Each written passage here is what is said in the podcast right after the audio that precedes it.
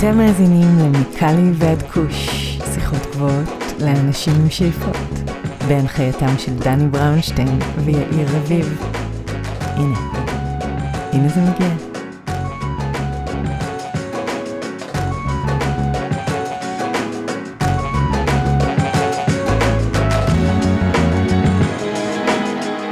אהלן אהלן, שבוע טוב, מיקלי ועד כוש, פרק 90. היום אני לבד. נוותר על השיחה השבועית שלנו כי היה לנו פרק מאוד ארוך, מלא בהשראה, עם אורחת מיוחדת בשם ניצן סולן. נזרום אל הפרק ולא נקשקש הפעם אחריו. אז זוהי ניצן סולן. ניצן סולן, בוקר טוב, מה שלומך? שלומי מצוין, בוקר אור. תני לנו אוריינטציה גיאוגרפית, איפה אנחנו מוצאים אותך היום בעולם? אני ממוקמת uh, כרגע ביבשת אמריקה, קוסטה ריקה, בחצי אי שנקרא גואנקסטה, באזור הצפוני. Uh, כרגע אתם תופסים אותי במשרד החדש שלי, צופה ובוהה בכל הנוף המדהים של הים. אחת התשוקות הכי גדולות שלי בחיים זה גלישת גלים, אז זה כמובן חלק מהסיבות שאני נמצאת פה. יפה, אז אנחנו עוד נחזור לזה. אני נמצא בלוס אנג'לס, קליפורניה, ושותפי להנחיה יאיר אביב נמצא בתל אביב, ישראל. מה קורה, יאיר? הכל נהדר, דני. אכול קנאה לניצן שנמצאת שם בקוסטה ריקה עם הגלים.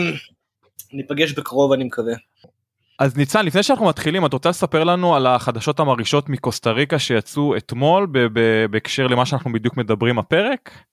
האמת שכן, אני אשמח לשתף, זה סינכרוניסיטי מעניין שבדיוק בחרנו להקליט את הפרק אה, בבוקר שאחרי אה, יצאה החלטה רשמית שנחתמה על אישור גידול קנאביס רפואי במדינת קוסטה ריקה. הללויה. מדהים, מדהים, ומתי זה אמור לקרות כל התענוג הזה? אתה יודע איך זה, אנחנו מכירים את התעשייה לא יום ולא יומיים. אה, אתה יודע, התהליך התחיל לקרות, אני מאמינה שככל שנתקדם נבין בדיוק את הטיימליין. יפה, אבל לפחות הרכבת יצאה לדרך, טוב לדעת. אז נתחיל מהקל אל הכבד ברשותך, ספרי לנו בקצרה על המסלול המקצועי שלך ומה בעצם הביא אותך לתעשיית הקנאביס. בשמחה, בשמחה גדולה. אה, אני למדתי הכשרתי הנדסה כימית, אני מהנדסת כימיה במקצועי. האמת שזה סיפור בפני עצמו למה הלכתי ללמוד הנדסה כימית, אבל בשורה התחתונה דווקא אני אשתף שזה הגיע ממקום שראיתי את ההוליסטיקה של, ה, של הדברים, של המכלול של העולם, והרגשתי שהמדע אה, יש לו חלק שממש יכול להתחבר בצורה מאוד יפה עם הראייה הכללית של הדברים, ונורא סקרן אותי ללמוד ולהבין את השפה המדעית ואת הגישה המדעית לאיך העולם עובד. אז זו הסיבה למעשה שהלכתי ללמוד הנדסה כימית.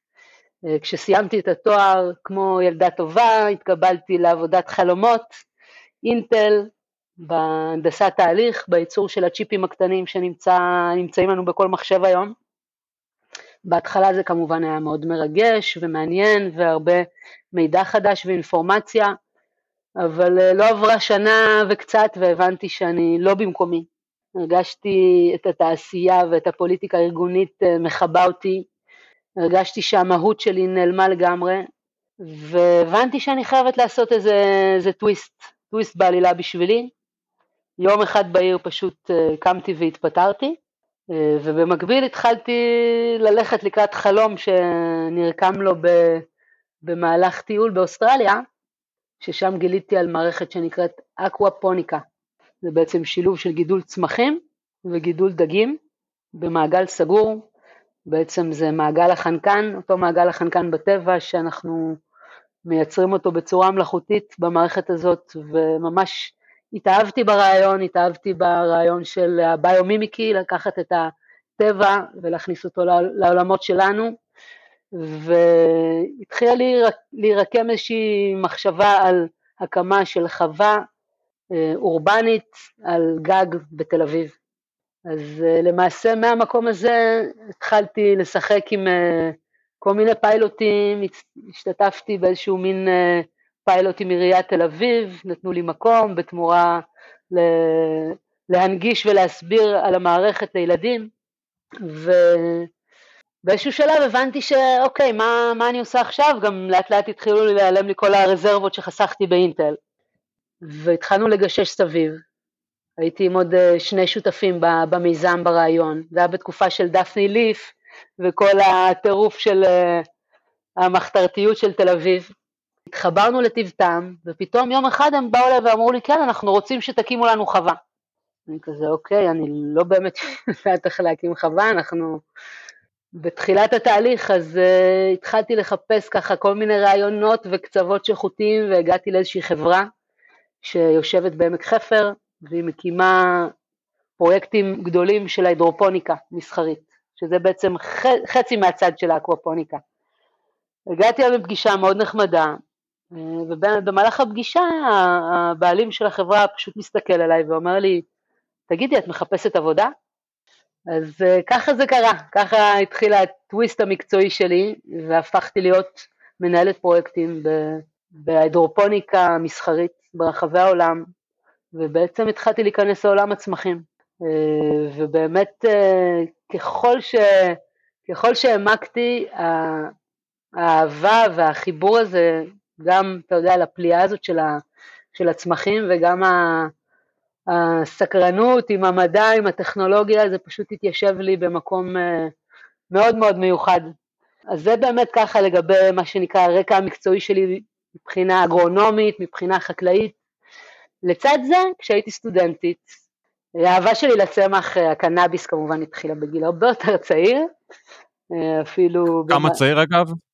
לא, עכשיו אין לי בעיה לשתף, אבל אני חושבת שפעם ראשונה ניסיתי, זה היה בכיתה ט', בגיל לגדל 15. או לצרוך? לצרוך, זה היה פעם ראשונה, חוויה, חוויית הקנאביס הראשונה שלי, שבהחלט הייתה משנת חיים.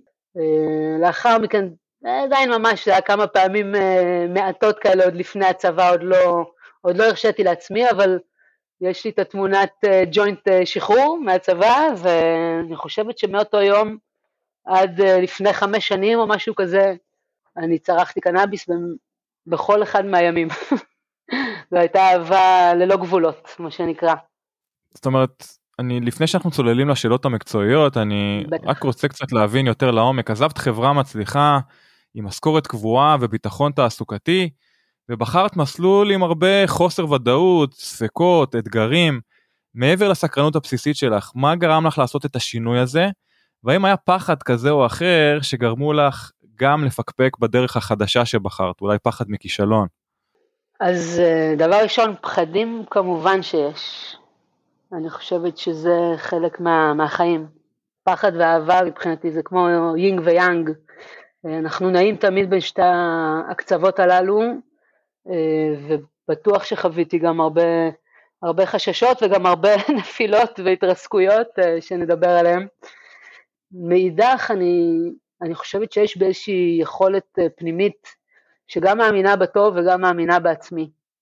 אז זה דבר שמאוד מוביל אותי ו- ותומך בי באמת לאורך, לאורך השנים לעשות את המהלכים האלה. אבל אם אני אגיד משהו בצורה הכי כללית ו- ו- וגבוהה מבחינת אה, גם האיכות של צמח הקנאביס עבורי, אז כמובן שיש את החוויה או את השיח הפסיכואקטיבי, או מה זה בכלל פסיכדליה, פסיכואקטיבי, אבל דווקא אני יותר אוהבת לדבר על הקנאביס בתור אחד מהצמחים שבעצם מחברים אותנו לתודעה, לתודעה הפנימית, לתודעה הגבוהה. ואני חושבת שדווקא בזכות הקנאביס ובזכות העבודה הזאת שבעצם מאפשרת לי כל הזמן להתבונן פנימה ולהרגיש ולהבין מה נכון לי, גרמה לי להבין בצורה מאוד מאוד מהירה ו- וחדה, שאני חייבת ללכת עם מה שהלב שלי אומר לי לעשות. וכשאני הולכת עם הלב שלי, אז הכל גם קורה מדהים תמיד. וגם הסביבה נהנית וגם אני נהנית. אז היום נורא קל לי להגיד את זה וללכת את, ה- את הדרך הזאת. יפה, מאוד מזדהה מה שאמרת אגב. אז אני רוצה לעשות שנייה שיפט די קיצוני לכיוון של בעצם חקלאות עירונית. מה זו בעצם חקלאות עירונית, אגטק, ומה משך אותך להיכנס לעולמות האלו? אז אה, תראה, כל הרעיון ש... שבעצם אה, נחשפתי אליו, עם ה... לדוגמה עם האקוופוניקה הזאת, ובעצם התחלתי להבין שיש כלים מדהימים שמאפשרים לנו לגדל אוכל מדהים, טרי, ובריא בכל מקום. עכשיו, אה, כמו שדיברנו, אני למדתי הנדסה כימית, ולצערי הרב, אה, אתה יודע, הייתה לי תוכנית להבין איך העולם עובד, אה, כל מיני תוכניות כאלה ואחרות, ובסופו של יום אני חושבת שהדבר הכי גדול ו- וקשה, גם שלמדתי ו- ו- וקיבלתי ב- בלימודים הללו, זה כמה נוראית התעשייה. מה זה תעשייתיות ו- ומה התעשייה תעשה בשביל כסף.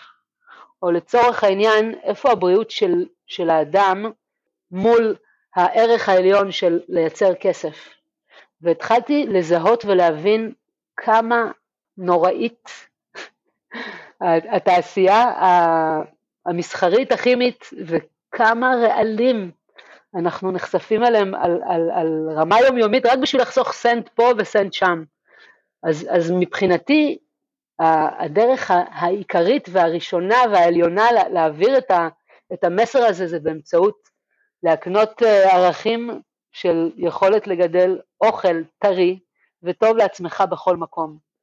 אז למעשה התבנית האורבנית עבורי בעיקר זה פלטפורמה מדהימה להנגיש ולחשוף עוד ועוד אנשים למהות הזאת. אז משם זה התחיל. אה, אני תוך כדי התנועה שלי, עם הסקרנות הזאת ש, שדיברת עליה, ובאמת אני מרגישה שאני מאופיינת בהרבה מאוד סקרנות, התחלתי בעצם להתפתח ו- ו- וללמוד ולהעמיק ולמצוא המון אלטרנטיבות והמון טכנולוגיות מדהימות, מקיימות, ירוקות, שבדיוק עושות את ההפך. אבל מה, כמובן שמבחינת פטנטים, מבחינת רווחיות, הם לא בראש סדר העדיפויות. אז אני למעשה לקחתי על עצמי את, ה, את המשימה הזאת להנגיש את הדבר הזה. משם זה הגיע, לפי דעתי. ניצן, לאיזה טכנולוגיה את מתייחסת? דיברת על פטנטים, בדיוק, רק, רק להמשיך את השאלה של יאיר, מה, אל, אילו חידושים, קודם כל, אם את יכולה לענות את השאלה שלו, אל, אילו טכנולוגיות בדיוק את מדברת, וקצת יותר להרחיב על החידושים האחרונים שיש היום במכשור, אה, שקשורים לחקלאות אורגנית, ומה צריך לקרות שזה ייכנס למיינסטרים. אז זהו, אז גם את בהכרח מדברת על אורגנית, כי קודם התייחסת להידרופוניקה ודברים כאלה, כאילו בהכרח האג'נדה שלך היא מחייבת שזה יהיה אורגני? מעולה, מעולה, אני אשמח לעשות פה סדר גדול. אני לא כל כך מתחברת להגדרה של חקלאות אורגנית. אני גם אשתף אתכם למה. אם אתם תסתכלו בספרים של החקלאות האורגנית לפי החוק, לפי המדינות, אם זה בישראל, אם זה באירופה, שזה המקומות היותר שמקפידים בעולם על, על הנושא, עדיין אני רואה שיש שם, שם שימוש בחומרים שאני לא הייתי רוצה להשתמש בהם לעולם. לדוגמה, תחמוצת נחושת, גופרית. לאחרונה אני לא שמעתי שאלה חומרים אורגניים, נהפוך הוא, אני מכירה על בסיס אישי קולגה יקרה שלי, שלצערי הרב היא עדיין היא עדיין סובלת מחשיפת יתר לגופרית בשדה שהיא הלכה לנטר אותו, שהוא כביכול שדה אורגני, אבל מותר להם להשתמש בגופרית. אז אתה יודע, ישבתי עם יושב ראש הארגון האורגני בארץ ושאלתי אותה, תגידי, למה מותר להשתמש בגופרית? היא אמרה לי, תראי, אי אפשר אחרת לגדל מסחרי. אמרתי, אוקיי, זה לא סיבה מספיק טובה לתת לזה יד. אז, אז מאוד חשוב לי לספר את ה, יותר באמת את הגישה שלי ולהגיד לי שאתה יודע אורגני מבחינתי זה עוד, עוד לייבל, זה עוד brand, זה עוד תווית שאנשים משתמשים בזה לעשות בזה כסף אבל רוב המגדלים האורגניים לצערי עובדים בשיטות וחומרים שאני לא הייתי רוצה להשתמש בהם ובטוח שלא לאכול את האוכל שלהם. מצד שני אני מכירה מגדלים הידרופונים שאני מאוד אשמח לאכול את האוכל שלהם כי הם עם אפס שימוש של חומרי הדברה סיסטמיים או פרוטקטנטים אז יש הרבה מאוד uh, משמעות, uh, אתה יודע, גם למילים וגם לה, להבין את, את עומק המילים. אז, אז כן, אני, אני אישית מפרידה בצורה מאוד מאוד גדולה בין שיטות הזנה, אוקיי, שאני יכולה להזין את הצמח מכל מיני דרכים אורגניות, שנתחיל בקומפוסט, נסיים בדשן אורגני שאני לא אציין את שמו, שהוא מבוסס על תעשיית אורות של חזירים. אבל זה אורגני. אבל זה מאורות של חזירים, יש שם 6% חנקן ו-94% של משהו דוחה.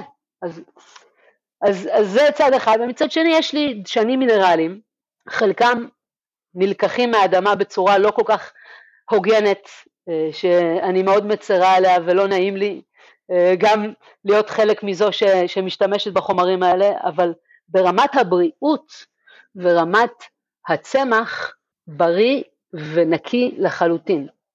לצד וואלה. זאת יש את כל הנושא של ה-IPM, Integrated Pest Management, איך אני מנהלת את ההדברה, את הפסטס שנמצאים אצלי בצמחים, ושם yeah. אני שמה דגש מאוד גדול, ושם למעשה ההזדמנות הראשונה שלי הייתה לעבוד uh, על ה-IPM שאני מאמינה בו עם חברת בטר, שבטח אתם זוכרים שהם היו מהראשונות שיצאו עם, ה, עם האורגני כביכול, אורגני לפני שהיה אורגני, אבל נקי לחלוטין מחומרי הדברה, זה אחד מהדברים שאני גאה להגיד שתרמתי אה, לחברת בטר ו- ולמדתי תוך כדי העשייה הזאת איך באמת ניתן והרבה מריבות של אה יש לנו עובשים ויש כזה ויש פה והרבה סבלנות והתמדה ו- ו- ולמידה איך עושים את זה? אז יאיר עכשיו ככה אחרי הדבר הזה אני באמת אלך לכיוונך לכיוון השאלה אז לדעתי הדבר הכי משמעותי זה באמת הנושא של IPM,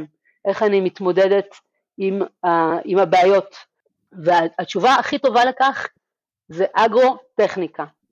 אני קצת אסביר מה זה אגרו-טכניקה, זה בעצם לשלוט בתנאים האגרונומיים שנמצאים בסביבת הגידול באמצעות טכנולוגיה, באמצעות טכניקות שונות. אז במקום להילחם בעובשים ולרסס אותם בחומר דוחה שיש לו רמה מסרטנת, פשוט עשו לו איזה בדיקה של-20 שנה זה לא עושה יותר מדי uh, סרטן, אז, אז זה בסדר. אני לא יכולה, לא יכולה לשים כזה חומר בצמחים שאני צורכת, אתה מבין? זה לא מסתדר לי. אני מעדיפה להשקיע כסף ולהעמיד מתקן ברמה גבוהה מבחינת תנאי אקלים, שזה מתחיל, בוא נגיד, הקצה התעשייה היום, לפחות לאן שכולם הולכים, זה בטח אתם מכירים נושא של היבשנים. מה שקורה, הצמחים במהלך הגידול, גם במהלך הפוטוסינתזה, פולטים מים. נורא נורא קשה to regulate את כמות הלחות שנמצאת לי בתוך מתקן הגידול, ללא כלי שיודע לייבש ולסלק נוזלים בצורה, בצורה גבוהה.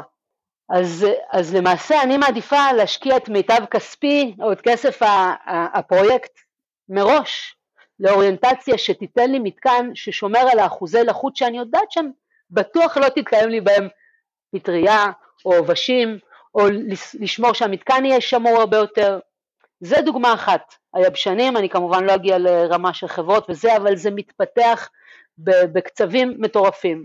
נושא נוסף שאני ממש אשמח לחשוף פה, זה עולם האוזון, אוזונטורס, אני לא יודעת אם שמעתם על זה. לא. אז מעולה, מעולה, אני מכיר את זה, ב...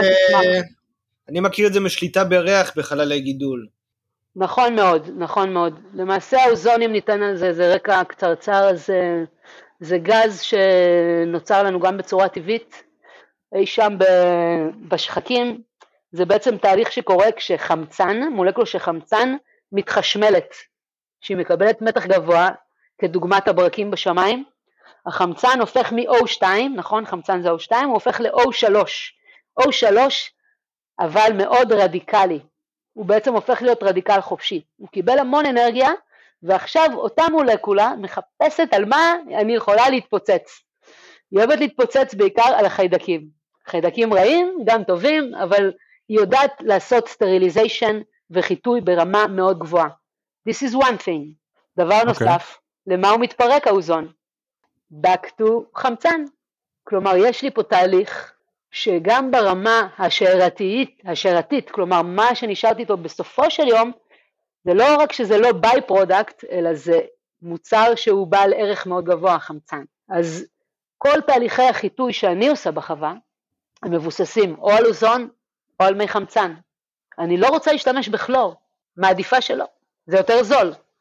אבל ברגע שיש לי אוזונטור אצלי בחווה, אנחנו יכולים לקנות כזה מכשיר, לצורך העניין בדיוק עכשיו הזמנתי אוזונטור אחד לקוסטה ריקה והם משגעים אותי פה במכס, אני לא יודעת מה לעשות עם זה עדיין, אבל היכולת שלי לעבוד עם, עם כלים, אתה יודע, וזה שוב, זה פשוט ללכת ולחקות את הטבע.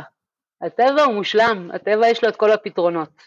אז זו ההשראה שלי, ההשראה שלי זה למצוא רעיונות ופתרונות שקיימים בטבע ולנסות להכניס אותם לתוך ה ag-tech, לתוך העולם הטכנולוגי התעשייתי יותר. אוקיי. Okay. אגב, את חושבת שבהקשר הזה, living soil זה עוד שיטה לגיטימית ליצירה של קנאביס נקי ואיכותי, או אולי מוצרים אחרים אה, חקלאיים איכותיים? את מכירה את השיטה הזאת? חד משמעית. אני מאוד אוהבת את הקונספט של living soil. אני חושבת שזו גישה מעולה ונהדרת.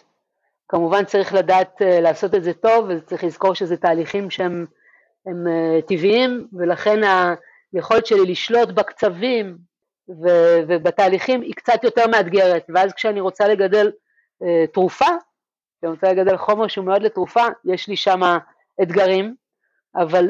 זה גישה מדהימה, וזה בעצם, הרעיון הוא, הוא שוב, הוא טבע. פעם כל האדמה על הכדור הזה הייתה living soil.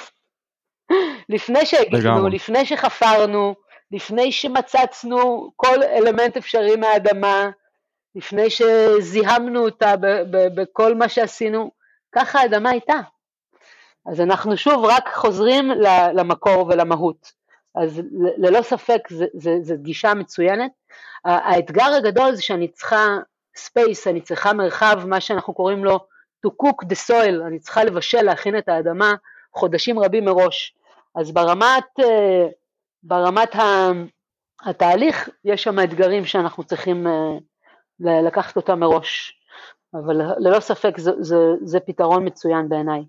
יפה, אז דיברת על בטר, את רוצה לספר לנו על עבודות אה, שונות אחרות שהיו לך עם, אם זה חברות ישראליות או חברות אה, בינלאומיות, בטר. ומה זה בעצם אומר אה, להיות יועצת גידול, אם זה באמת הטייטל שנתנו לך. כן, האמת שזה, שזה זמן כזה טוב, אולי באמת אני אשתף אתכם קצת בהתגלגלות שלי, ובאמת, אה, אז אה, אני, כמו, ש, כמו שסיפרתי לכם, אה, מאוהבת בצמח הזה מאז ומתמיד, ובאמת כשהייתי סטודנטית בתל אביב, גרתי בתל אביב, והייתי כזה שנה שלישית, ואמרתי, טוב, אני עכשיו מחפשת עבודה בתחום, להיות כזה כבר רצינית, אם אני לא מוצאת, אני בינתיים הולכת להתנדב. נמאס לי מעבודות בר, נמאס לי מזה, מספיק. אמרתי, טוב, איפה אני אתנדב? אז אה, אחרי התגלגלויות וחיפושים מצאתי, התנדבות ראשונה הייתה באילן, בעבודה עם נכים בספורט, שזה היה גם אחד הדברים המרגשים שקרו לי בחיים, וכמה שאני קיבלתי, באתי לתת ו- וקיבלתי המון. אה, והדבר השני זה שאיזשהו חבר טוב סיפר לי, היי, תקשיבי ניצן, בדיוק החברים שלי פה מקימים אה, אופרציה של תיקון עולם ברחוב פנקס בתל אביב האגדי, זה כבר אה, לא רלוונטי, אז מותר לי להגיד את השם. בקיצור, הם מחפשים מתנדבים. אמרתי, בואנה, זה מדהים. הגעתי לשם, שם דרך אגב פגשתי את, אה, את מעיין פעם ראשונה, שלימים הפכה להיות חברה מאוד מאוד מאוד קרובה שלי. ובאמת אני נדהמתי לראות, זו הייתה תקופה שעוד חילקנו את התרופה בחינם. קיבלנו אישור, גידלנו שם ב, גם במתקן הצפוני, ופשוט כמויות מטורפות של קנאביס שלא ראיתי בחיי לפני, ואנחנו אורזים, ואנחנו, והתפקיד שלי זה בעצם לשבת עם, עם אנשים שמגיעים, ולהסביר להם איך טורחים בפעם הראשונה את, את הצמח. אז uh, הייתה שם חוויה מאוד מאוד מיוחדת, ובאמת אחד הדברים הראשונים שאני חושבת שעשו לי שינוי משמעותי בכלל בהבנה על מה זה הצמח הזה, ושבאמת הגיעה לשם אישה מאוד מסכנה, עם סרטן, עם איזה שלושים הקאות ביום, בסבל נוראי, ישבתי איתה, הסברתי לה, גלגלתי לה כמה סיגריות שיהיה לה לדרך, וחזרה השבוע למחרת, קופצת עליי ופשוט נותנת לי חיבוק ענק, ואומרת לי, ניצן, זאת הפעם הראשונה שאני מחייכת מזה שנתיים, תודה לך. ואתה יודע, אני אומרת את זה ואני כולי עם צמרמורת ודמעות, כי, כי זה, זה עשה לי משהו כל כך עמוק, להבין את, ה, את היכולת הזאת של, של הצמח הזה, וזה, שוב, בראש ובראשונה זה יכולת uh, תודעתית בעיניי, אבל זה היה כל כך מרגש, ופתאום הבנתי, אוקיי, יש פה משהו אדיר, ואני כבר הייתי עמוקה בתוך הכימיה והזה, וכמובן שכבר למדתי וראיתי מה זה ריק סימפסון, וזה אמרתי לחבר'ה שם, לצחי, לבעל הבית מה שנקרא, אמרתי לו, צחי, מה אתה אומר, אולי תיתן לי להכין אה, שמן. אז אני הלכתי עם עוד חבר מהלימודים, נסענו לצבא, של, לחווה שלהם בצפון, ולא אשכח את זה, הכנו על גזייה, שזה תנאים שלא עושים את זה בבית, לעולם. כן, אל תנסו בבית בהחלט. אל תנסו בבית, אבל עשינו את, ה, את, ה, את הריק סימפסון הראשון מזן ארז, שזה זן אה, רפואי מדהים בפני עצמו, ואתה יודע, אמרנו, טוב, הכנו, אנחנו חייבים לטעום, נכון? אז אני והחבר הלכנו, וואו. עשינו מה שנקרא walk in the park, בפארק הירקון. לקחנו לנו כנראה קצת יותר מדי. תמיד זה ככה, תמיד זה קצת יותר מדי.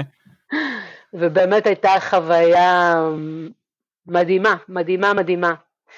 בקיצור, שם זה נפתח לי. אז חודש, חודשיים אחרי הגיעה המשטרה והתחילה להגיד, אה, אה, זה לא ככה, אין לכם רישיונות, אין לכם אישורים. אמרתי, טוב, אני לא מתעסקת עם החוק, סיימתי תפקידי בתיקון עולם בזמנו, okay. אוקיי. וכשהתחלתי להיכנס לעולם של ההידרופוניקה המסחרית, וגם למעשה התחלתי בימים אלה ליזום את, את, את מיזם הסטארט-אפ שלי שנקרא Living Box, אולי נדבר עליו אולי בהזדמנות אחרת, אבל למעשה פגשתי דרך אה, מפגש אישי את, את הבעלים של חברת בטר, את יוחאי, והייתה לנו שיחה וסיפרתי לו שאני עוסקת ב, אמ, בהידרופוניקה מסחרית עם הרבה תקנים בינלאומיים, כל ה-GAP והדברים האלה שדברים שאנשים לא ידעו בכלל מה זה GAP באותה תקופה. הוא אמר לי, טוב, אני רוצה שתבואי להתחיל לעבוד איתנו בחווה, בואי תעזרי לנו, בואי תהיי יועצת, בואי, בואי פעם בשבוע, פעם בשבועיים, בואי נראה מה אפשר לעשות, אני רוצה להתכונן לקראת יום הדין, כי צריך להבין שאותן שמונה חברות ראשוניות, תקופה מאוד ארוכה הן עשו את המיטב אבל ללא שום הוראות, ללא שום אה, ספר רפרנס, או לצורך העניין כשאני הגעתי לחברת בטר והסתכלתי בארון חומרי הדברה ושאלתי חבר'ה עשינו בדיקות הדברה? אז הם אומרים לי לא, אין תקן לבדיקות חומרי הדברה, לא היה אפילו ערכים מותרים ולא מותרים לחומרים הפעילים, אז אתה יודע, אז התחלנו להמציא את הגלגל, הלכתי, התייעצתי עם כל מיני יועצים, עשינו הגבלה לצמחי מרפא, ל-leafy greens ו-herbs, להבין את הערכים, ושם התחלנו להבין שיש בעיה. אז למעשה באותה תקופה התחלתי לעבוד עם בטר, זה היה כמעט שלוש שנים שליוויתי אותם, ובאמת אה, חלק אה, משמעותי היה השינוי של ה-IPM, אה, ולצד זה גם אני זכיתי להיחשף לגידול המדהים הזה אתה יודע, עם הצמחים, עם לגעת בהם, ללמוד אותם, להעמיק בהם, אני חושבת ששם באמת, בוא נגיד, הפריצה המקצועית שלי התחילה.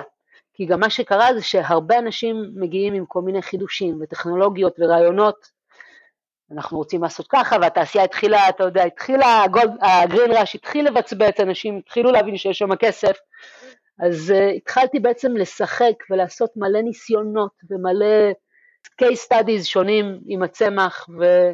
ואז למעשה התחלתי לי, להירקם ולהשתזר ככה בתוך התעשייה, ו...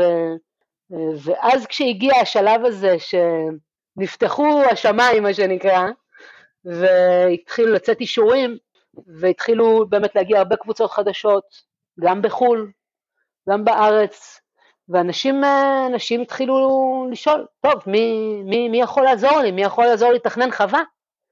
עכשיו, צריך להבין שזו הייתה תקופה מאוד, מאוד מיוחדת בזמן, כאילו באותה תקופה רוב האנשים הסאחים לא יכלו, לא יכלו להגיד אני עושה קנאביס, זה, זה, זה עשה לגמרי. התנגשות קונפליקטים, ולמעשה לא היה מי שיגיד אני יודע. אז אני חושבת שהדבר העיקרי והדבר המשמעותי ש, שגרם לי להגיע למקום שאני נמצאת בו היום, זה זה שאני האמנתי בעצמי, ו, וכשאף אחד לא אמר שהוא יודע, אני אמרתי, אני יודעת. גם אם לא ידעת, כי נשמע ככה, זאת אומרת, אמרת, לקחת אתגר עלייך, כאילו, אמרתי, יאללה, אני...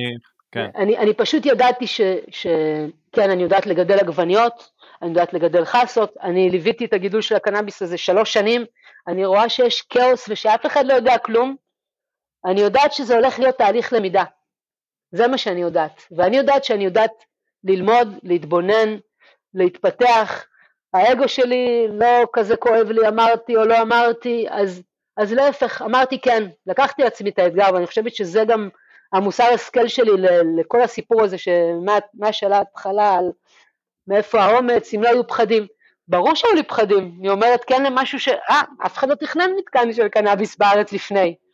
נכנסנו לכל מיני חממות שבורות, והיינו צריכים פתרונות, אז, אז אמרתי כן, ואז באמת אה, כל פרויקט שעשיתי למדתי עוד, וגדלנו עוד, ובאמת אה, נכנסתי לחברה מקסימה שלימים הפכה להיות גם חברה שהונפקה בבורסה באוסטרליה, ליוויתי אותם והייתי היועצת שלהם, ואז פשוט כל הפניות פשוט התחילו לזרום, מפיתוחים משוגעים של אירופוניקה ורטיקלית במעגל סגור, מתקנים מאוד הייטק של נאסא עד לגידולים בשטח פתוח של המפ וכל מה שבפנים.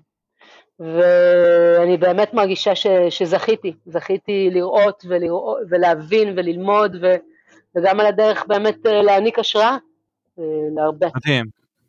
מדהים, אז נגעת במושג ההידרופוניקה, אה, ואני רוצה לפרק את זה קצת לגורמים, כי אני מרגיש שרוב חברות הקנאביס בישראל, ובעולם גם, בוחרות לגדל קנאביס באדמה, הן בגלל איכות המוצר הסופי, והן בגלל שזה מוכר יותר לחקלאים המסורתיים. אז מה זה בעצם ההידרופוניקה, ומהם היתרונות או החסרונות מול אה, גידול באדמה או שיטות אלטרנטיביות אחרות? מעולה, זו שאלה נהדרת שהמהות שלה היא, היא בסמנטיקה. אז אה, אני אדבר קצת את הסמנטיקה שלי ומשם, אה, אתה יודע, כי, כי הדרופוניקה היום זה יכול להיות הרבה מאוד, אה, הרבה מאוד דברים. אז בוא שניה okay. אוקיי. נלך שלב אחד יותר אחורה ונדבר על מצע מנותק, אוקיי? Okay? יש לי בעצם, okay. אוקיי. כשאנחנו מדברים לגדל באדמה, אז לפחות היום כשאני אומרת לגדל באדמה, זה לגדל באדמה שהיא היא, היא באדמה של הכדור הזה, אוקיי? לא באדמה שהיא בעציץ.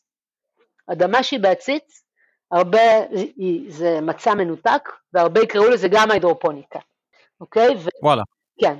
ולשאלתך, כשאתה אומר, הרוב מגדלים באדמה, אז לצורך העניין, החוק במדינת ישראל היום לגבי קנאביס רפואי, גם האורגני, אסור לגדל באדמה, מותר לגדל אך ורק בעציצים, אוקיי? Yeah. אסור לי. למה אסור לי? כי לטענת המחוקק, אני לא מתחברת לזה, כן? אבל לטענת ברור. המחוקק, קשה לשלוט במה שקורה באדמה. עכשיו, מה זה קשה לשלוט? זה נכון שקשה לשלוט. הוא טוען שיכולים להיות זיהומים ויכולים להיות כל מיני דברים בעייתיים. אני אומרת, לא, יש לי בדיקת מעבדה בסוף. אם עברתי את הבדיקת מעבדה, מה אכפת לך? זה, זה צד אחד, אבל צריך להבין שגידול באדמה המסורתי, באדמה עצמה, היום הוא באמת מאוד מאתגר. כמו שאמרנו, רוב המשאבים שהיו באדמה נמוגו. לצד זה יש לי הרבה טפילים והרבה אתגרים מסוג וירוסים, מסוג מה שנקרא נמטודות, זה כמו קרציות כאלה קטנות שיושבות באדמה, מתיישבות לי על השורשים. אני ראיתי את זה לנגד עיניי, כן? יום אחד בהיר, צמחים כבר בשלב פריחה מתקדם, נופלים. כולם נופלים מתים, מתים, מתים על הרצפה. זה נזק של נמטודה. Okay? אוקיי? אז דבר כזה, כשאני עכשיו בונה תוכנית עסקית עם, אה, עם, אה, עם יזם שרוצה להקים מתקן קנאביס, זה, זה חתיכת סיכון ללכת לאדמה. אז זה, בוא נגיד, הדבר העיקרי שאני יכולה להגיד למה לא באדמה. מבחינת היכולת שלי לשלוט ולמגר סיכונים וחוסר ודאות היא הרבה okay. יותר אוקיי. גבוהה. עכשיו בוא ניכנס לתוך הפרטים של מצע מנותק, ההידרופוניקה ואפילו זרקתי לך אירופוניקה, אוקיי? האירופוניקה yeah. זה עוד שלב אחר. שיש אגב חברה אחת בישראל שמגדלת בצורה הזאת, נכון? יותר מחברה אחת. או, וואלה, אוקיי. מי עוד אגב מגדל? אני לא יודעת האמת אם מותר לי, אז אני אוקיי. לוקחת את עצמי בחזרה, אבל כן, אני ליוויתי, ליוויתי כמה חברות בארץ גם בנושא הזה. אמ, אז למעשה, כשאנחנו מדברים על, על ההידרופוניקה, אוקיי, עכשיו שאנחנו נגיד ההידרופוניקה, זה בעצם היכולת שלי לנהל את הגידול של הצמח על ידי הממשק מים שלו, כשהוא לא נמצא באדמה. כלומר, יש לי איזשהו מצע שהוא מאוד מאוד מוגבל ביכולות שלו, הוא, אנחנו קוראים לו הרבה פעמים סובסטרט, זה יכול להיות מבאמת אדמה של כבול, במקרים מסוימים, עד היום הרבה מאוד בארץ אוהבים להשתמש בקוקוס, אוקיי? קוקוס זה, זה גידול מנותק מצע.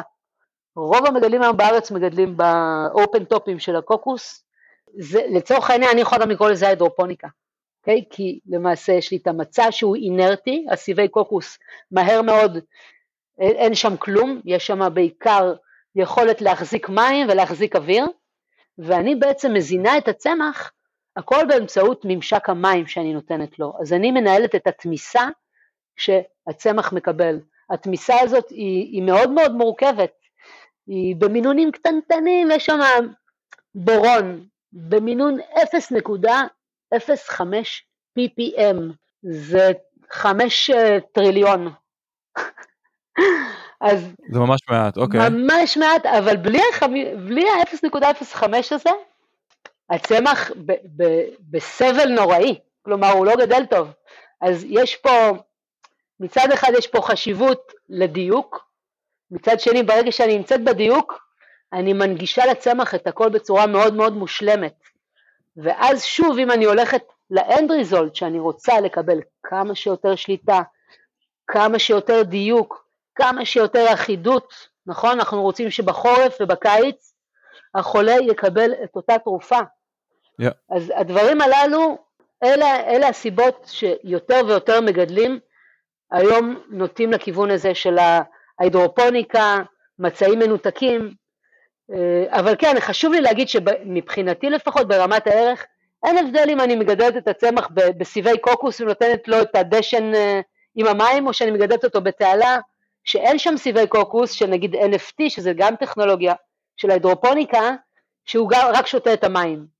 כל הסוגים האלה הם בעצם מאוד מאוד דומים, שאני לוקחת מצע שהוא אינרטי, ולשם אני בעצם באמצעות המים מכניסה לו את הדברים. אירופוניקה זה לקחת את זה לשלב עוד יותר מדויק, עוד יותר חסכוני, ו, ובעצם לתת לצמח אוויר שבפנים יש רסיסים קטנטנים של מים עם המינרלים, ואז החמצון והאוויר שהשורשים מקבלים הוא אידיאלי, ואני יכולה להגיע לרמות עוד יותר טובות ומהירות ומקצועיות.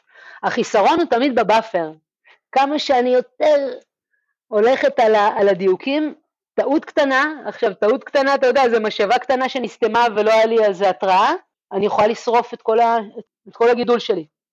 אז זה למעשה התחום שנקרא חקלאות מדייקת. אם אנחנו הולכים לאגטק, אז כל העולם הולך לכיוון הזה. בסדר, אנחנו רוצים להיות כמה שיותר מדויקים, ואז זה באמת במינונים, בכלים שאיתם אני נותנת את, ה, את הערכים השונים, את כמות המים, אה, זה פחות או יותר העולם הזה. אז איך כל זה יכול להשתלב אגב בחקלאות אורבנית? כי בכל זאת את אומרת שגידול הידרופוני צריך uh, ממש לדייק בו, היית ממליצה על גידול uh, ביתי הידרופוני של קנאביס, או שאולי בכל זאת עדיף גידול מסורתי באדמה למגדל הביתי? אז אה, תראה, דבר ראשון, אני תמיד אומרת את זה ששואלים אותי, וגם לי היו על זה הרבה, אתה יודע, התלבטויות בעבר, כי אני גם, אני מאוד אוהבת את ה... לגדל את הצמח בתנאים ה... האופטימליים שלו באדמה.